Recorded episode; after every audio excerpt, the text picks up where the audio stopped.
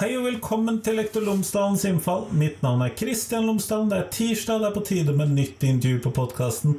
Denne uken så snakker jeg med Heidi Wittrup Djup fra Klinikk for krisepsykologi.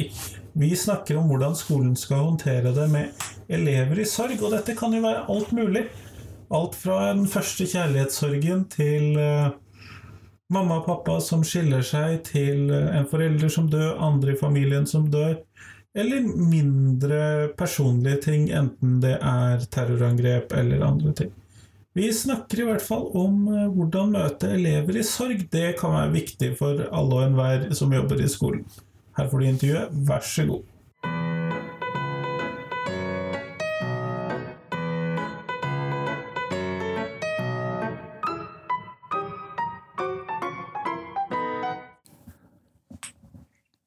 Heidi Wittrup Djup, uh, tusen takk for at du har tatt deg tid til meg i dag. Takk for at jeg får komme. Før vi starter selve intervjuet, kunne du ha fortalt lytterne mine tre ting om deg selv, sånn at de kan bli litt bedre kjent med deg. Ja. Jeg er psykolog. Jeg er daglig leder på Klinikk for krisepsykologi. Og så jobber jeg mye med barn og familier, og så er jeg i Norsk Psykologforenings menneskerettighetsutvalg. Kjempeflott. Og det er særlig dette arbeidet med barn og familier som vi skal hekte oss på i dag. Fordi mm. at uh, gjennom skoleløpet, gjennom skolens virksomhet osv., gjennom de 13 årene som barna tilbringer innenfor skoleveggene, så eh, skjer det veldig mye i livene til disse elevene. Mm. Eh, ting som ikke har med skolen å gjøre. Noen av de har kanskje også med skolen å gjøre, men de opplever eh, situasjoner på fritiden særlig, eller i sitt vanlige liv, som eh, utløser sorg i ulike former. Mm. Alt fra miste den ene kjæresten eh, mm. de hadde denne uken, til eh, at de noen i familien dør, eller skilsmisse, eller lignende. Det er jo ganske mye som kan skje i løpet av livet, og vi lærere som da har én klasse, eller kanskje vi har to klasser, så vil vi risikoen for at vi møter disse elevene, er ganske stor mm. i løpet av vår yrkeskarriere. Mm. Og så lurer jeg jo da litt på eh, hvordan tenker du som psykolog at vi som skole skal håndtere dette? Kan du starte med noen generelle betraktninger rundt det? Mm. Ja, altså jeg tenker jo at eh, skolen er en veldig viktig arena i barns liv. Sant? Det er jo der de har hverdagen sin, det er der de har vennene sine, og veldig mye barnas identitet utvikles jo i takt med skoletiden. Eh, og lærere har en veldig, veldig stor plass i veldig mange barns liv. Jeg har møtt så mange pasienter eh, som jeg har hatt i behandling, og så mange familier og barn som har fortalt om den ene læreren som virkelig så dem, som virkelig ga dem en følelse av å være verdifull og viktig. Sånn at jeg tror det er veldig viktig at skolen tar inn over seg den betydningen eh, dere har da i barnas liv, og så eh, prøver å bygge bro mellom hjem og familie, nei, hjem og skole, sånn at barnet opplever at det er en sammenheng i livet. sant? Eh, og når noe vanskelig skjer i barnets privatliv, så så bringes jo det med inn i skolen. Sant? Det gjør noe med barnet. Det gjør noe med barnets tanker og bekymringer og tanker om fremtiden. Og deres hele sånn grunnleggende trygghet blir jo litt sånn eh, Slår litt sprekker, da. Eh, og det kan være veldig viktig for barnet å føle at det er noen som ivaretar det på skolen, men også tilrettelegger for å beholde en viss grad av normalitet. Sant? For jeg tror for mange barn så er det jo det å komme på skolen og få litt pause som også er viktig. Men samtidig føle trygghet i at åh, jeg har noen jeg kan snakke med hvis det blir vanskelig. Jeg har noen som vet, og jeg har noen som bryr seg. Eh, så det er jo den balansen skolen skal finne. En vanskelig knivsegg å stå på da, mellom å ikke ignorere og ikke plage. Mm, ja, sant. Ja, det er jo det som blir ytterpunktene. Men jeg ser jo at det er det veldig, altså akkurat den balansen er det veldig, veldig mange som klarer å finne veldig fint. da. Eh, fordi man er på tilbudssiden, sant? man spør eller man sier litt ja, nå vet jeg at sånn og sånn har skjedd hjemme, eller nå har jeg snakket med mamma, eller nå vet jeg sånn og sånn. Og så gir man på en måte en trygghet på at vi er her og, og, og, vi kan snakke sammen. Og så inviterer man barnet inn i hvordan skal vi gjøre dette på skolen. Sant? At barnet får lov til å medvirke litt på skal noe fortelles til de andre i klassen. Er det andre lærere som skal få vite noe? Hvordan skal dette her se ut? Eh, og så kan barnet da etter hvert erfare at ok, her er det mulig å snakke om det. For det er ikke sikkert de vil snakke om ting med en gang, men de skjønner da at her er det rom for å ha de samtalene som er vanskelige. Og for noen barn og unge så er det jo faktisk litt enklere å snakke med noen utenfor familien. Eh, rett og slett fordi at eh, da føler man kanskje ikke at man belaster familiemedlemmer som allerede har det vondt, eller man føler man lettere kan si ting som, ja, som ikke er så greit å fortelle hjemme nødvendigvis. da. Som ikke noen alvorlige hemmeligheter, sant? men som bare er litt, litt godt å ventilere hos noen andre. Um, og så blir mange barn litt sånn usikre på hvordan de skal forholde seg til sine jevnaldrende, og da kan også læreren eller skolen være med på å finne en eller annen form for plan. Sant? Hvis noe blir vanskelig for deg, hva skal vi gjøre da? Eh, og hva skal man slippe litt opp på? Sant? Kanskje litt, litt, mindre lekser i en periode, eller at man har litt forståelse for de reaksjonene eller vanskelighetene som barnet har. Eh, og da blir det litt tryggere for barn å være der. Sant? For at, eh, det er en forventning om at det blir forstått, det som er vanskelig for meg nå. Um, og så som sagt så er det denne pausen. da. Det å få lov til å bare være litt som alle andre og komme litt vekk fra det som er vondt og vanskelig hjemme. Måtte slippe å være den som håndterer dette her akkurat nå. At det mhm. kan ligge litt. Ja, absolutt. For det er klart at uh, i, i, de hjemmene der man lever med alvorlig sykdom f.eks., eller at det er vanskeligheter hjemme, så kan jo barn føle veldig mye ansvar. Uh, og barn kan også føle det vanskelig å rett og slett være vekke fra hjemmet. Sant? Det ser man jo gjerne at barn og unge Eh, de, de, er mindre med venner, eller er mindre ute og leker. Altså de, de, hold, de, søker mer tilbake til hjemmet eh, når de har eh, fri, på en måte. Da. Men skolen er jo noe de skal på. Eh, og det er litt sånn godt for dem. Der har de ikke noe valg, de ja, må liksom dit. Ja, og det kan være litt godt, for da er det ikke de som måtte, velger å nedprioritere sin egen familie, sant? som de kan føle på hvis de går ut og spiller fotball med vennene sine. Det er ikke så lett å ha samvittighet eller ha det gøy hvis du vet at noen hjemme har det vondt. Um, men, men, det å komme på skolen, det, det, er, måte, det er legitimt. Da. Det har man lov til. Det skal man. Det er forventet. Eh, og der er det også kanskje litt lettere da, å senke skuldrene litt. Mm. For noen, men for andre er det jo veldig vanskelig å være vekke fra det som er vondt. Og, eh, og, tankene går hele tiden til hva skjer hjemme. Og så blir det vanskelig å konsentrere seg på skolen. Og det vil man jo merke, selvfølgelig. At, at, man kan se endringer på elevens prestasjoner eller på deres fungering eller væremåte i hverdagen. Men Heidi, du er ikke bare fagperson på dette temaet, du har også stått i denne situasjonen selv. Mm. Kunne du si noe om det? Ja, veldig gjerne.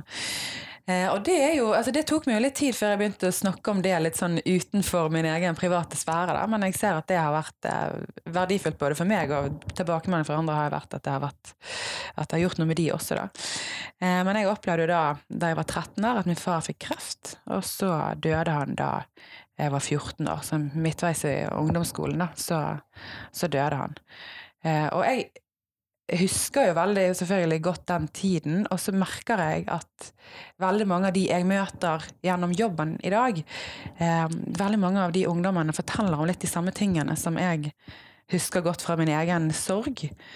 Eh, og faktisk ikke bare ungdommer heller. Sant? Dette er jo gjenkjennbart også for voksne. Eh, og, og, det har vært ikke, jeg bruker ikke på en måte min personlige historie så veldig mye i terapeutisk sammenheng, men jeg har snakket litt om den i andre sammenhenger, og også skrevet en tekst om det. Og det var jo selvfølgelig en terskel å trø over. men, men, for budskapet var jo ikke at, at, vi skulle mm, ha fokus på min sorg, men budskapet var mer at eh, hva, er det, hva er det som på en måte er litt sånn, litt som fellesnevneren. For sorg er jo alltid veldig individuelt det, og det er jo en del av det som er sårt med sorg. Sant? Det er jo at det er faktisk ingen som fullt og helt kan forstå hva man går igjennom. Selv om andre har sine erfaringer, så er det denne følelsen av at ingen mistet akkurat han. Sant? Ingen har det akkurat sånn som dette. Og det gjør jo at det er et ganske sånn, det er et element av ensomhet da, i sorg. Som er litt sånn, det tar litt tid å liksom akseptere. Um, men så er det likevel, selv om det aldri er så individuelt, så er det likevel noen ting som er litt likt. Eh, og for ungdom så ser jeg at noe av det som eh, er tøft, da, i tillegg til selvfølgelig savnet og lengselen og den emosjonelle smerten i seg selv, så er det den å finne plassen sin igjen i den sosiale arenaen. Og Det var derfor jeg skrev eh, en tekst om skolens betydning når man er i sorg i den alderen. For for meg så var det veldig viktig å føle på at jeg hadde det stedet å søke til. Eh, men også at jeg hadde så modige venner, da. eh, som lot meg være i sorg, men som også hjalp meg til å finne tilbake igjen til livet. For det er viktig for ungdom, og det er viktig for barn. Sant? Det å ta tilbake en viss form for normalitet i hverdagen igjen. For å få en eller annen rytme som, som hjelper tiden å gå, da. Um, ja, for det blir vanskelig hvis du bare henger hjemme, ikke kan uh, komme liksom litt ut av det. Mm, absolutt. Samtidig er det så utrolig vanskelig å komme tilbake igjen òg. For jeg husker den følelsen av å komme tilbake på skolen. Så følte jeg at jeg var helt redefinert. Sant? Nå er jeg hun uten far. Eh, og jeg følte jo at alle så på meg. Det, det, gjorde de jo sikkert ikke, men det var jo sikkert noen som gjorde det. Men den følelsen av å være så ekstremt annerledes. Og selv om jeg rasjonalt sett visste at andre har jo også opplevd noe som dette, eh, så var det likevel som om jeg var den eneste. Um, og, og, og nå var jo jeg på, på, en måte veldig heldig, for jeg hadde, jeg hadde kloke folk rundt meg. da, Både lærere og, og venner som, som, både viste en veldig raushet i forhold til mine reaksjoner. Sant? Jeg kunne jo storme ut av klasserommet og eh, var veldig distrahert og hadde det jo veldig vanskelig. Men det på en måte aksepterte Det var veldig sånn åpenhet rundt det at jeg hadde det vondt.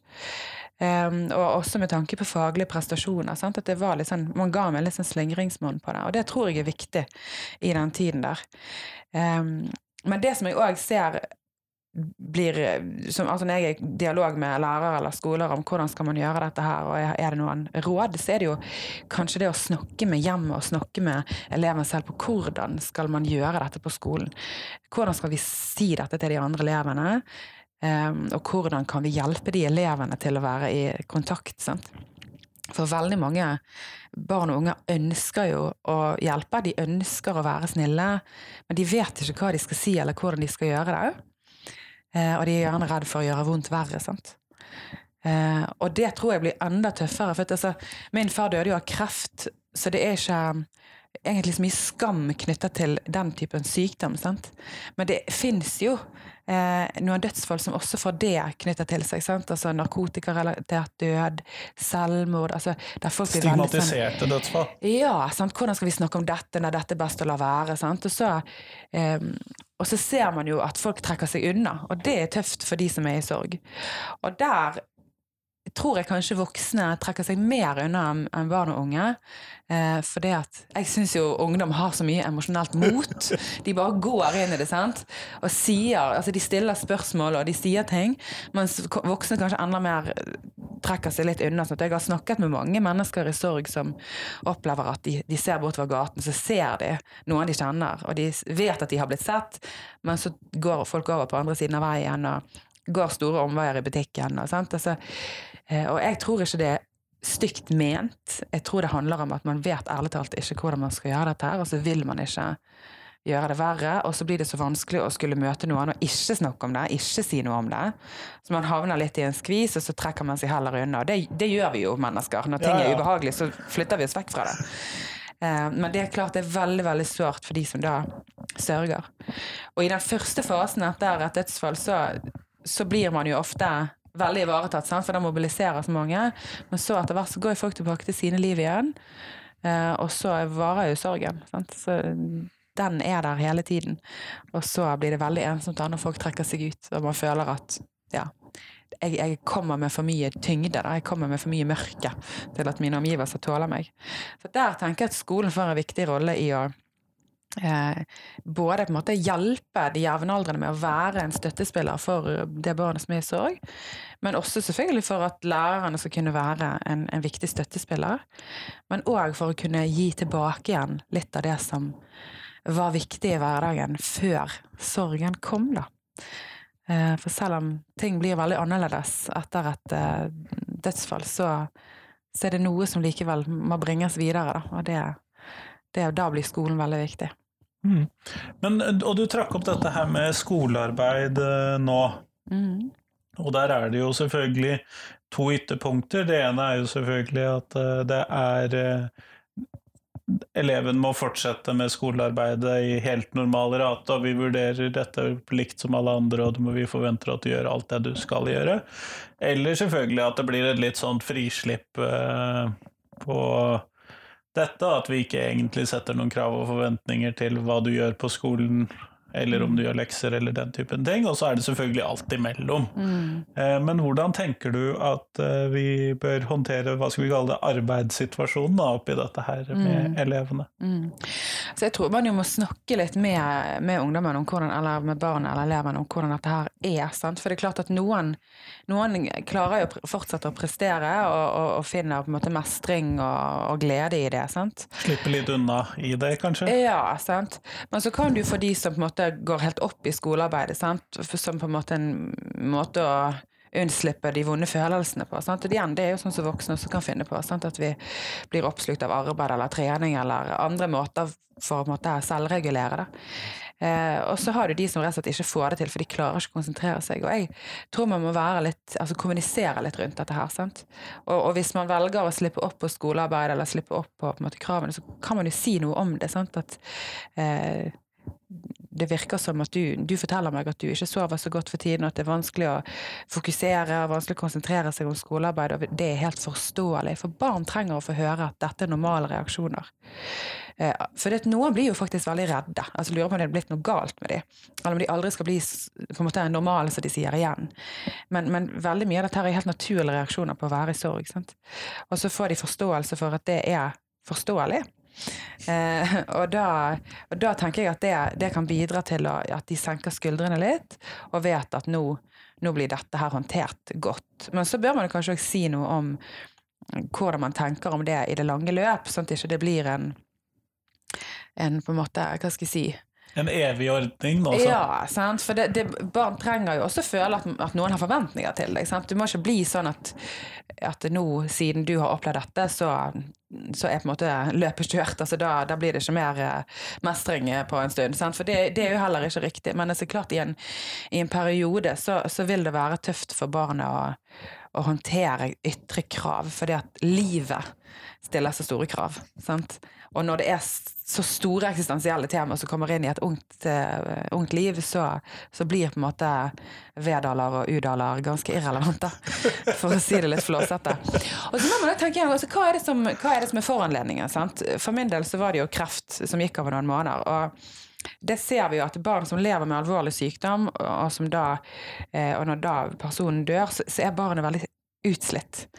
Eh, mens voksne i større grad, det er ikke alltid det heller, men voksne i større grad hvert fall, klarer å bruke den tiden måte mer som en prosess for å forsone seg med det som kommer til å skje.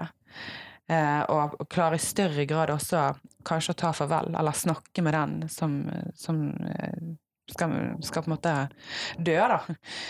Mens for min del så så var det helt, det var helt umulig å ta inn over seg hvor vi var på vei henne. Og det sier òg litt om eh, må huske på at Jeg var jo faktisk 14 år da han døde, så jeg visste jo om konseptet kreft og død. altså Dette var ikke ukjent for meg. sant? Det er jo, eh, jeg, jeg hadde jo vært i sorg før òg, jeg hadde mistet en bestemor, så det var ikke et ukjent konsept. Men likevel var det 100% umulig for meg å ta inn over meg at han ikke kom til å overleve. For det er for stort.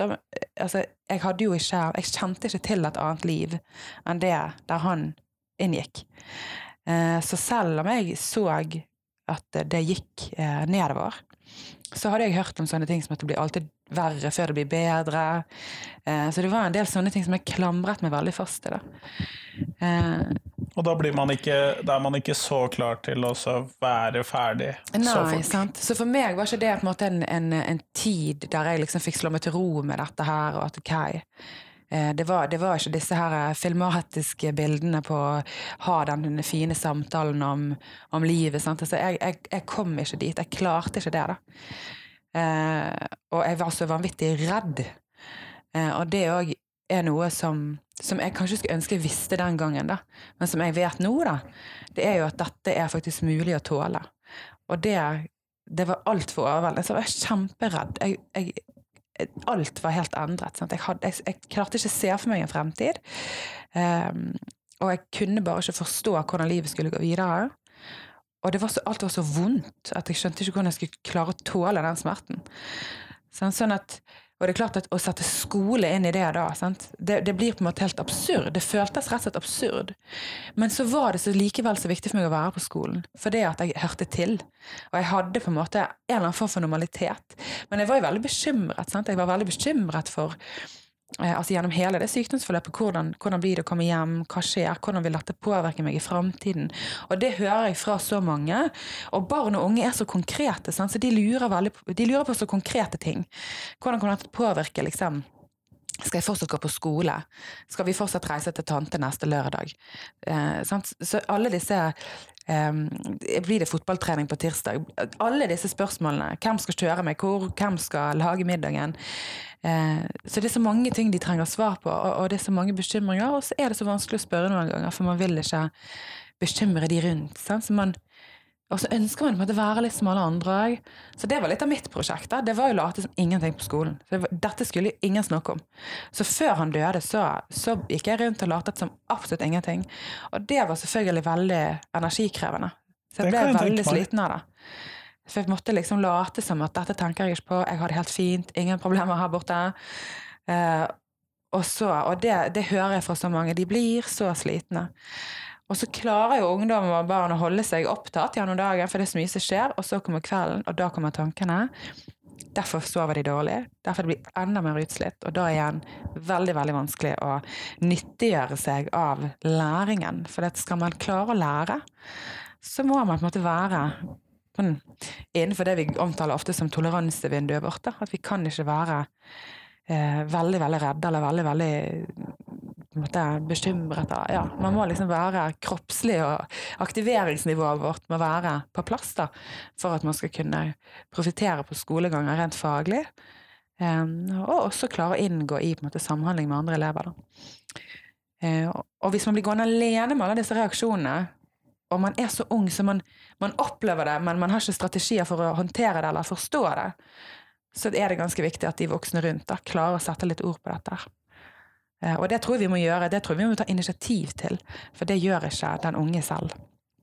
Nei, eh, det hørtes jo ut som at uh, dette var noe som tenåringene og barn vanskelig klarer å putte inn i en litt mer sånn, hva skal vi kalle det, i gåseøyne rasjonell boks om at mm. nå må vi si ha det her, og nå må vi være åpne om dette her. Mm, ikke sant. Og det tror jeg at eh, Jeg husker en av de fine opplevelsene. Jeg hadde mange mange fine opplevelser. Jeg var veldig heldig med, med skolen min og gode lærere som hadde mange kloke tanker om dette, tror jeg. Men jeg husker en situasjon så eh, ble jeg tatt ut på gangen, for jeg fikk et, eh, en veldig sterk reaksjon som jeg fortsatt tror egentlig var handlet om noe helt annet. For jeg fikk litt sånn hjerteklapp. Eh, og det har jeg hatt ved jevne mellomrom eh, gjennom eh, voksenlivet også, uten at jeg har klart å helt sette fingeren på at det skulle hatt på en sånn psykisk opphav. da. Men det kan jo selvfølgelig hende det var stressrelatert, og det kan hende jeg er mer stresset enn jeg eh, velger å erkjenne i dag òg. Men i hvert fall så fikk jeg dette ubehaget og ble stresset og redd, og jeg hadde jo ikke opplevd dette før, så jeg gikk ut på gangen, og så kom læreren etter meg, og så sa han nå vet jeg at du har det vanskelig hjemme. Og det var første gang jeg hadde på en måte en samtale med lærer, for dette var jo før jeg var i sorg. Dette var mens uh, min far var syk. Um, og det var så fint, for han, ikke sånn at han spurte, var det sånn at han vegret seg for å gå inn i det. Han bare la det til grunn. Han bare sa det. 'Jeg vet du har det vanskelig hjemme'. For det trenger man jo egentlig ikke være usikker på. Når en jente på ungdomsskolen lever med en kreftsyk far, selvfølgelig har hun det vanskelig hjemme da. Det kan man på en måte bare anta med stor trygghet, liksom. Så det var utrolig fint at han liksom tok det initiativet. Fra da av så visste jo jeg at han vet. Og det var godt, da. Så det å ta de initiativene og si, og det gjør jeg ofte i terapi også, for det er ikke alltid ungdom, særlig kanskje, men barn også, men spesielt ungdom, det er ikke alltid de har lyst til å snakke. De er redd for at det skal bli mye verre hvis de gjør det, eller de er redd for at de skal måtte svare på spørsmål de ikke vil svare på. Og akkurat i min eh, rolle så er jeg også ofte en ukjent person for dem, i motsetning til en lærer. Så de vegrer seg gjerne for å si ting, og da kan jeg si at mange barn forteller meg at, eller mange ungdom sier at, eller jeg husker jeg snakket med en som sa at, eh, for det er så gjenkjennbart, sant. Eh, og da kan jeg bruke på en måte erfaring, jeg kan bruke faglige eksempler, og jeg kan danne meg noen hypoteser, og så teste de ut og se er det sånn for deg også. Og da er de ganske raske med å si nei, sånn er det ikke, eller sånn er det. Og hvis jeg tar feil, så retter de meg og sier nei, det er ikke sånn, men det er sånn. Og det som jeg ser at veldig ofte mm, resonnerer med det, er jo når jeg sier um, mange forteller meg at de syns det er litt vanskelig å være på skolen sammen med vennene sine, fordi de føler at kanskje de vennene som de pleide å være med, er opptatt av ting som ikke lenger føles veldig viktig. Sant? Eller at sant? denne fremmedgjøringen, sant? den kan være litt sånn nyttig å adressere litt. da. For på et eller annet tidspunkt så må det jo være lov å begynne å bry seg om sko og jakker og TV-serier igjen, sant? selv om det akkurat i denne fasen av livet ikke fremstår så veldig betydningsfullt, selvfølgelig. Nei, det føles vel heller veldig meningsløst. Ikke sant? Og det blir det når vi måler ting opp mot måtte, de store eksistensielle temaene, og liv og død, så blir jo egentlig alt uvesentlig eh, av sånn hverdagsplukk. Men samtidig er det jo disse hverdagstemaene som danner hverdagen vår. Da. Og da, blir, da, er det egentlig ganske Vi skal ikke undervurdere hvor viktig det faktisk kan være å ha samtaler om ting som ikke er så viktig.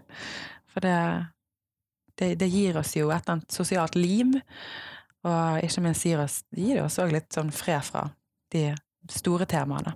Ja, og det, det, det, jeg nå kommer til å si, er kanskje hakket på siden av dette, og mer enn refleksjon jeg har gjort meg, det er jo det at i denne hjemmeundervisningsfasen som vi nettopp har vært ferdig med nå, mm.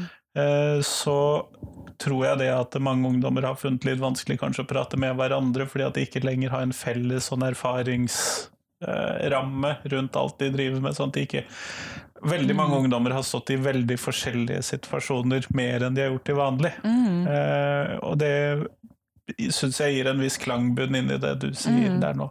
Jeg syns det er en veldig fin refleksjon, og det sier litt om hvor mye hverdagen vår faktisk binder oss sammen. Da. Og det å ha felles erfaringspunkter og eh, bare det å møte noens blikk når noe skjer.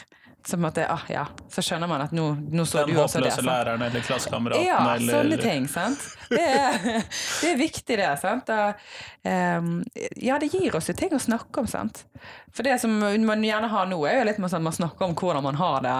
Eh, og det kan jo òg være en viktig læring for ungdom, for så vidt. Altså at, eh, hvordan, hvordan, er det for deg, eller ja, og så kan man fortelle litt om de håpløse foreldrene, eller noe sånt. Altså, det kan jo være uh, fint, det også, men men, eh, men, jeg tror jo at denne tiden virkelig synliggjør for oss eh, at den, den, menneskelige kontakten og det å høre til hos hverandre, å ha fellesskap i hverdagen, det er, det er veldig viktig for, for uh, særlig barn og unge.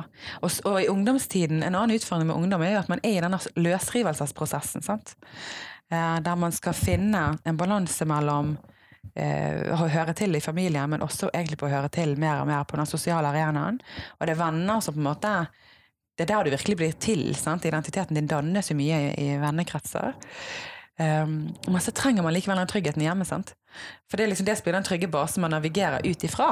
Og så søker man hjem igjen for å liksom lade litt, og så er det ut igjen, eh, ut igjen i verden. sant? Så veksler man mellom disse to tingene.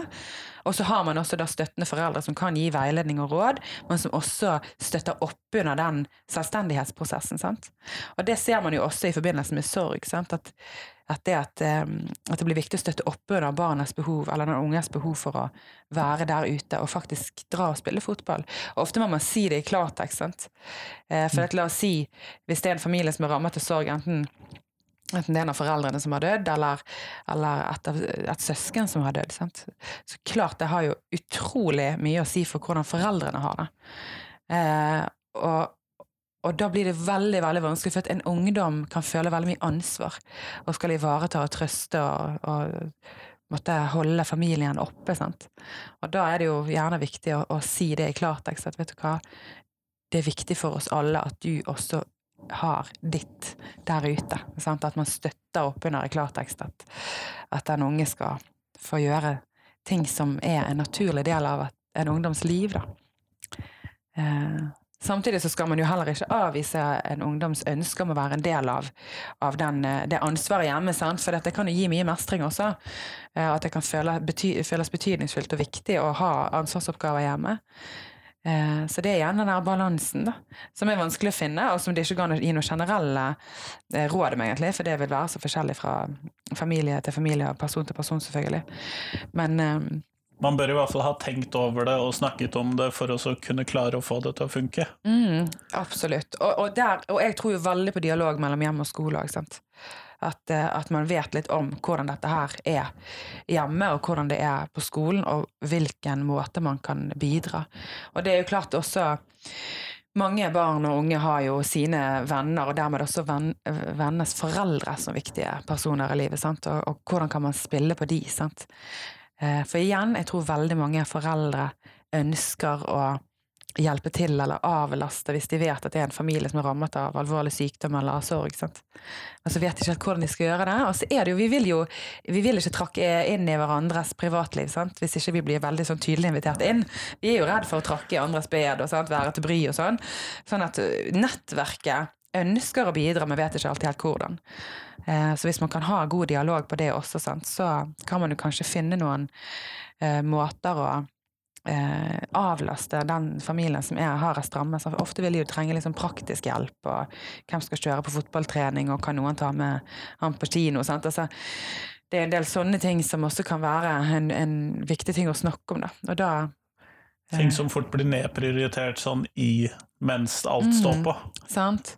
Og, og, hvis en familie virkelig er rammet av dyp sorg, så har jo ofte foreldrene mer enn nok med seg selv og sin egen sorg, og, og håndtere familien og all smerten, og, og stille opp for barna. Altså, og da søker man gjerne ekspertrådene, og da blir det jo lærerne som er på en måte de, de, som er der.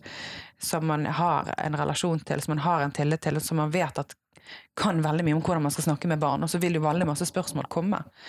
Eh, og det tror jeg òg at at lærerens rolle i de sammenhengene der blir jo veldig ofte også å, å, å gi på en måte litt eh, eh, veiledning og støtte til foreldrene på, på hvordan de har tenkt. Sant?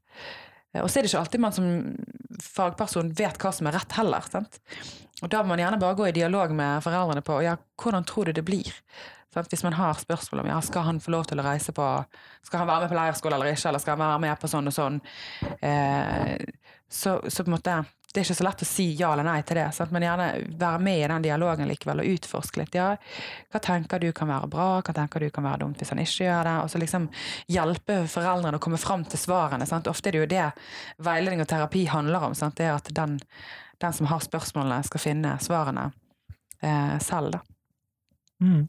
Men du nevnte også dette her med elever som stormer ut av klasserommet, og du mm. nevnte også en episode hvor du selv hadde stormet ut av klasserommet. Mm. Um, og I hvilken grad tenker du at vi skal legge opp til uh, egne grupperom hvor de kan sitte på, eller hvis de ønsker det, eller uh, å tillate den type utstorming, da. Mm.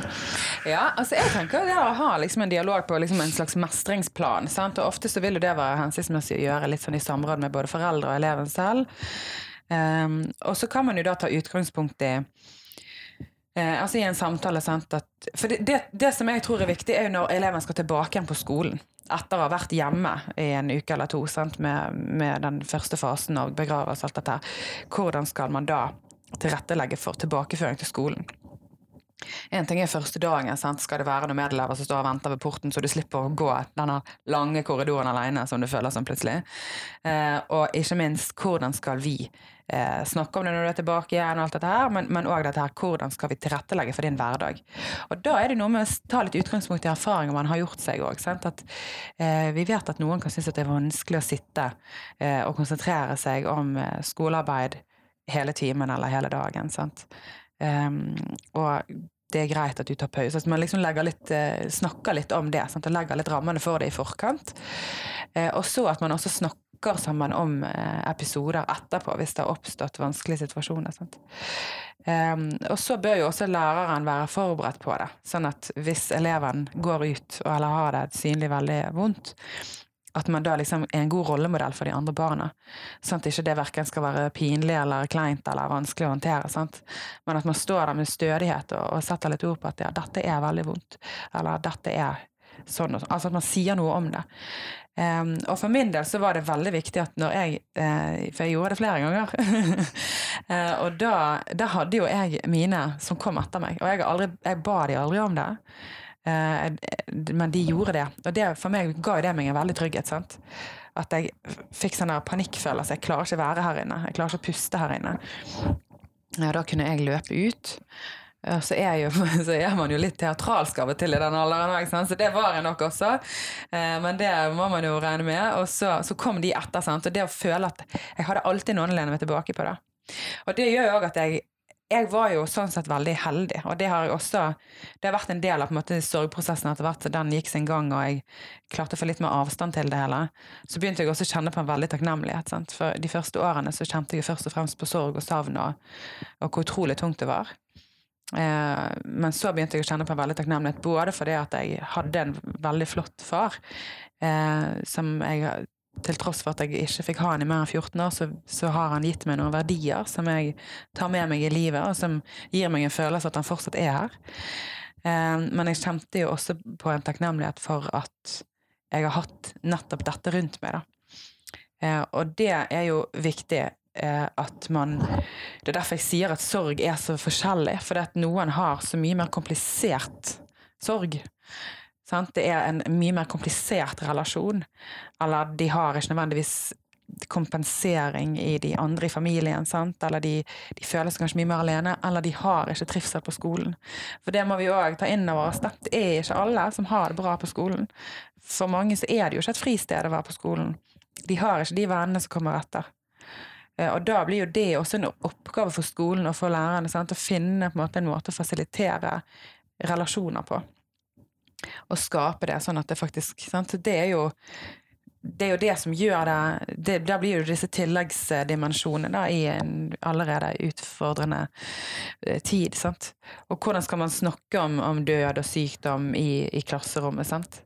Skal man gjøre det i plenum? Jeg, jeg, tenker det kan være klokt å gjøre, litt avhengig av hva som er, situasjonen, og selvfølgelig overensstemmelse med, med hjemmet, da. Men, um, men jeg tenker at det å ha kloke samtaler med, med de i plenum også, sant, eh, der man gjerne kan snakke litt om hvordan kan vi være gode støttespillere når han eller hun kommer tilbake igjen, sant, eller hva er viktig eh, når vi, har det vondt, sant? for mange vil jo også kjenne igjen det å, å ha det vondt. Sant? Vi, hva trenger vi da? Sant? Det er mange måter man kan få refleksjon rundt hvordan vi kan stille opp for hverandre og støtte hverandre uten at vi nødvendigvis trenger å hekte det på den eleven som er i sorg, eller akkurat det som har skjedd, men at det blir en mer sånn generell refleksjonsrunde på hva, hva er egentlig viktig når vi har det vondt.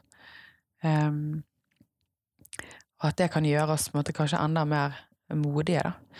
Uh, sånn at det der å ha en, en, plan både for de andre elevene, sånn at de skal ha økt forståelse for hva det vil si å være i sorg, men også det å ha en plan med eleven selv. Um, sånn at ikke de skal måtte bruke all sin energi på å sitte og bare holde ut i klasserommet, men at det faktisk er ok å ta en pause. Uh, og at det kanskje da skal være ok å ta med seg en medelev og gå en runde rundt bygget, eller ha et grupperom, som du sier, eller um, Og så komme tilbake igjen uh, etter en viss tid. Sant? At det, den rausheten for uh, reaksjonene som fremvises, er nok viktig.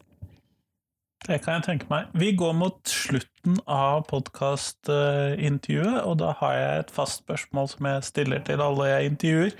Og det er hvis noe skal ut av skolen, og du fikk bestemme hva det skulle være, hva ville du tatt ut av skolen? Jeg hadde tatt ut lekser. Jeg, hadde det. jeg vet ikke om det er spesielt kontroversielt, jeg regner med det andre som har sagt det òg, men det hadde jeg, altså. Jeg hadde tatt vekk lekser. Du er ikke den første som har nevnt det? Du Nei, det. jeg regner med det. Det får bli, en, det får bli en, en, ambisjon, altså. Jeg tror det er viktig å, å tenke nytt om akkurat det der. Mm. Kjempeflott. Tusen takk for at du tok deg tid til meg i dag. Takk for at jeg fikk være med.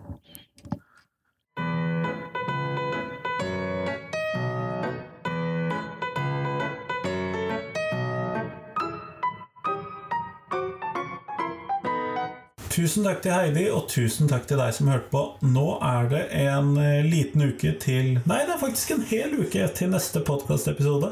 I mellomtiden så syns jeg at du skal sende meg noen tips. Flere har gjort det i det siste via kommentarfeltet på Facebook, så gå gjerne der. Send meg tips. Send meg det på melding, mail, et eller annet. Send meg tips. Det blir jeg veldig glad for.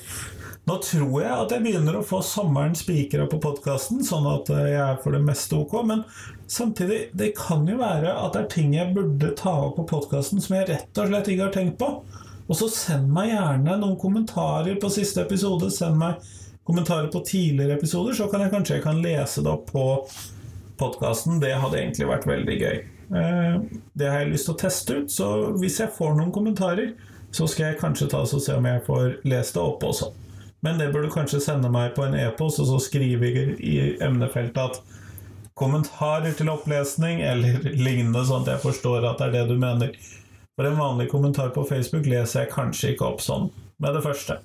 Men i hvert fall, eh, fram til neste gang så får du ha en god uke. Hei, hei!